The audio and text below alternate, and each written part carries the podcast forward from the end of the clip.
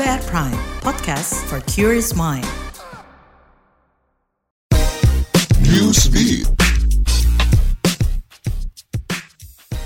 Tiongkok dan Korea Selatan dilanda cuaca super dingin. Sejumlah wilayah di Tiongkok bahkan mencatat rekor temperatur terendah dalam 40 tahun terakhir. Misalnya Provinsi Shanxi, Hebei, dan Liaoning. Sementara suhu minus 40 derajat Celcius sempat tercatat di Heilongjiang. Otoritas pertanian di Tiongkok kini melakukan operasi tanggap darurat mengatasi kemungkinan bencana gagal panen. Di Seoul, Korea Selatan, suhu udara di bawah 12 derajat Celcius.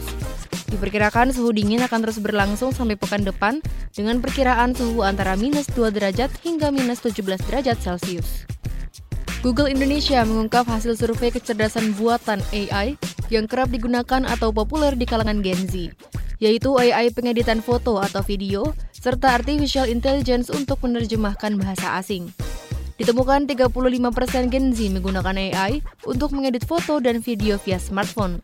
29 persennya menggunakan AI untuk menyelesaikan pekerjaan menerjemah dan menyortir data, lalu 22 persennya untuk memaksimalkan kemampuan kamera smartphone mereka.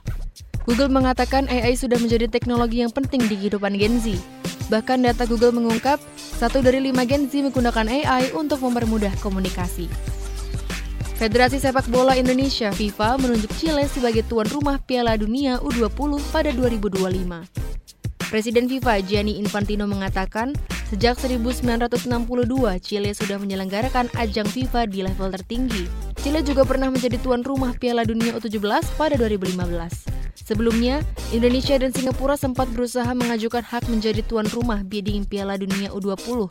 Namun, keputusan FIFA ini memastikan Indonesia batal jadi tuan rumah perhelatan kelas dunia tersebut. Indonesia sempat terpilih menjadi tuan rumah Piala Dunia U20 edisi 2021, namun turnamen itu dibatalkan akibat polemik kehadiran timnas Israel sebagai salah satu peserta.